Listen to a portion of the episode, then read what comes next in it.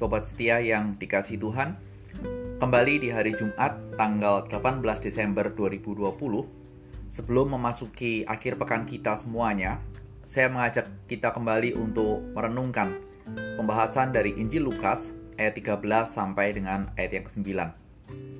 Dan dalam pembahasan ini saya memberikan sebuah tema yang paling penting itu berbuah.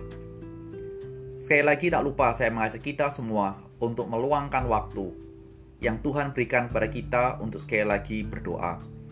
Berdoa bagi siapa? Kerabat, sanak saudara, dan juga khususnya kita berdoa untuk ibu mertua dari Pak Ferdinand yang saat ini sedang dirawat.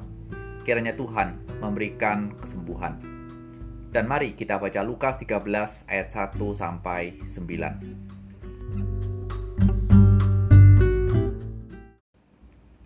Pada waktu itu datanglah kepada Yesus beberapa orang yang membawa kabar tentang orang-orang Galilea, yang darahnya dicampurkan Pilatus dengan darah korban yang mereka persembahkan.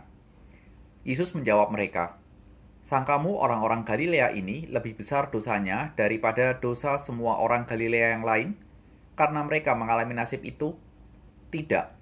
Kataku kepadamu, tetapi jika jikalau kamu tidak bertobat, kamu semua akan binasa atas cara demikian.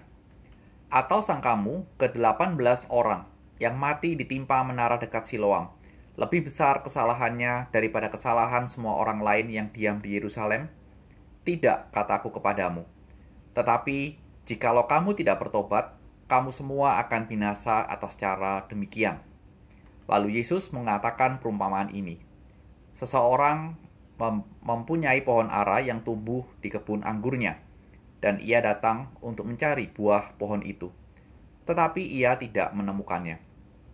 Lalu ia berkata kepada pengurus kebun anggur itu, Sudah tiga tahun aku datang mencari buah pada pohon ara ini, dan aku tidak menemukannya. Tebanglah pohon ini. Untuk apa ia hidup di tanah ini dengan percuma? Jawab orang itu, Tuan, Biarkanlah dia tumbuh tahun ini lagi. Aku akan mencangkul tanah sekelilingnya dan memberi pupuk kepadanya. Mungkin tahun depan ia berbuah. Jika tidak, tebanglah dia.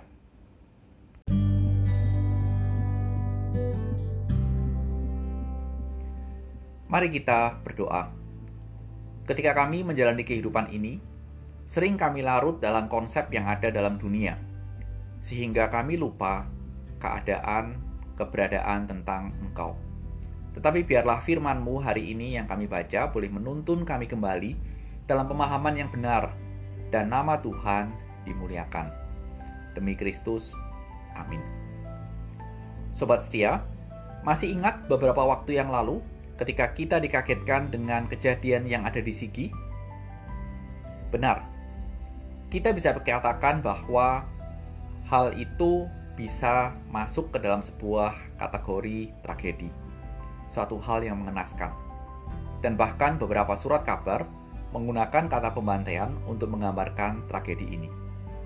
Dan dalam perikop yang kita baca, Lukas juga menuliskan dua hal yang bisa dikatakan sebuah tragedi.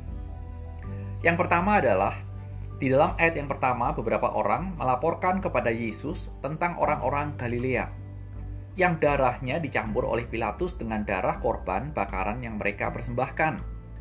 Kalau kita melihat akan hal ini, maka kita bisa mendapatkan bahwa Pilatus pada saat itu mengirimkan prajuritnya untuk membubarkan kumpulan orang Yahudi yang dianggapnya berbahaya.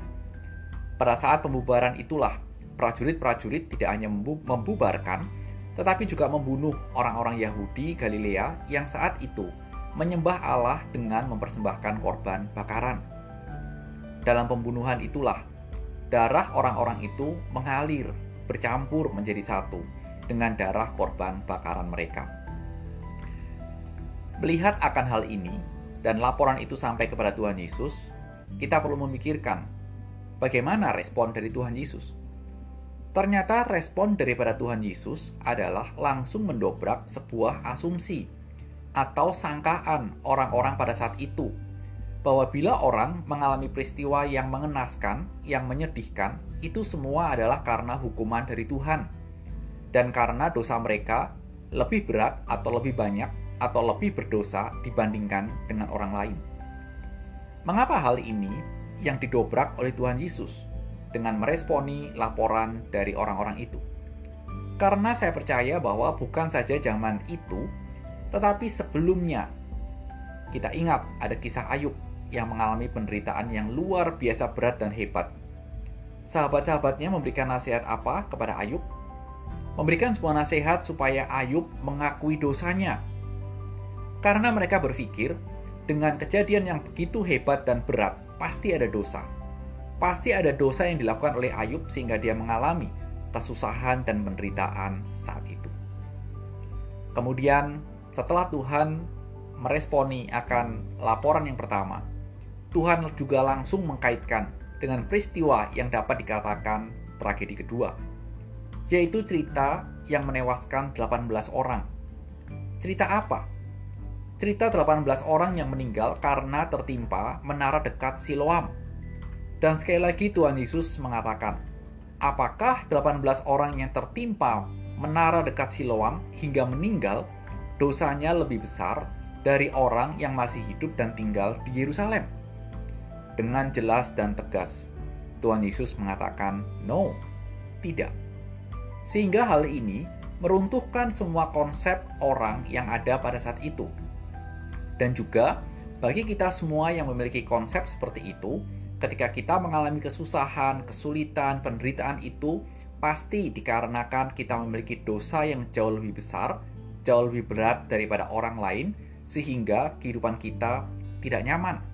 Konsep itu runtuh dengan apa yang menjadi respon Tuhan.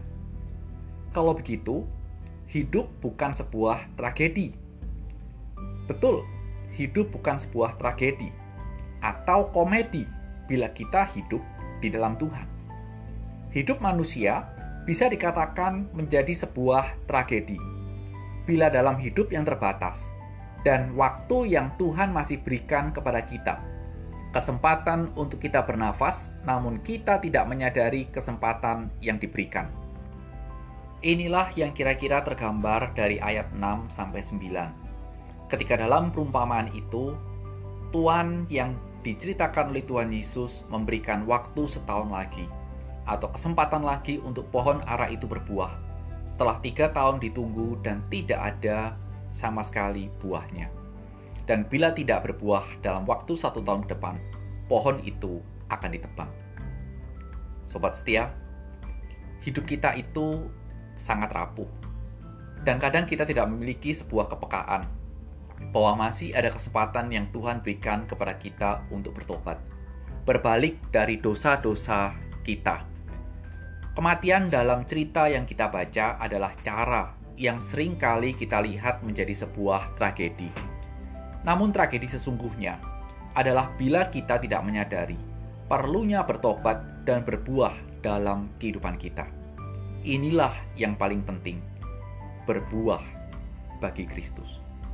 Dan bila saat ini kita menyadari bahwa ada sekali lagi kesempatan yang Tuhan berikan dalam hidup ini untuk meninggalkan dosa kita, untuk kita bisa berbuah. Buah apa yang bisa kita hantarkan kepada Tuhan secara khusus setelah kita melewati hampir melewati satu tahun ini. Saya yakin bahwa ada buah yang bisa kita sampaikan kepada Tuhan. Dan kita bisa mengatakan, Tuhan, inilah buah yang bisa aku persembahkan kepadamu. Kiranya buah dari hidupku boleh menjadi kemuliaan bagi namamu. Sobat setia, Selamat hidup berbuah bagi Tuhan dan menikmati akhir pekan bersama-sama dengan sanak family. Tuhan bersama kita. Amin.